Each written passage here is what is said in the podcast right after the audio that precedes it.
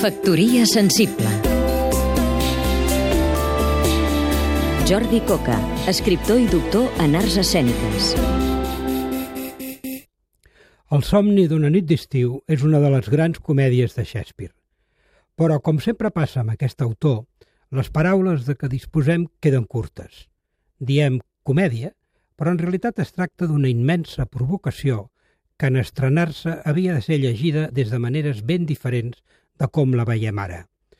En una perfecta simetria, veiem contraposar-se la vida diurna a la cor d'una suposada Atenes amb la vida nocturna al bosc.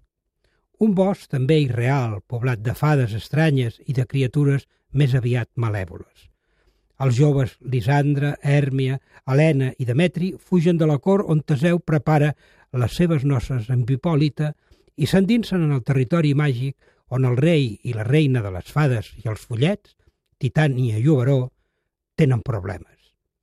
En aquest mateix bosc, una gent senzilla, artesans i menestrals, assagen una obra de teatre protagonitzada per una altra parella mítica d'amors desgraciats, Piramitisbe.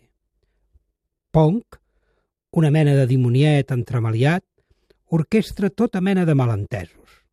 Shakespeare, com sempre, ens fa passar com si res del real a l'irreal, de la nit al dia, per dir-nos que, en el fons, tots som força més complexos i insegurs del que ens pensem.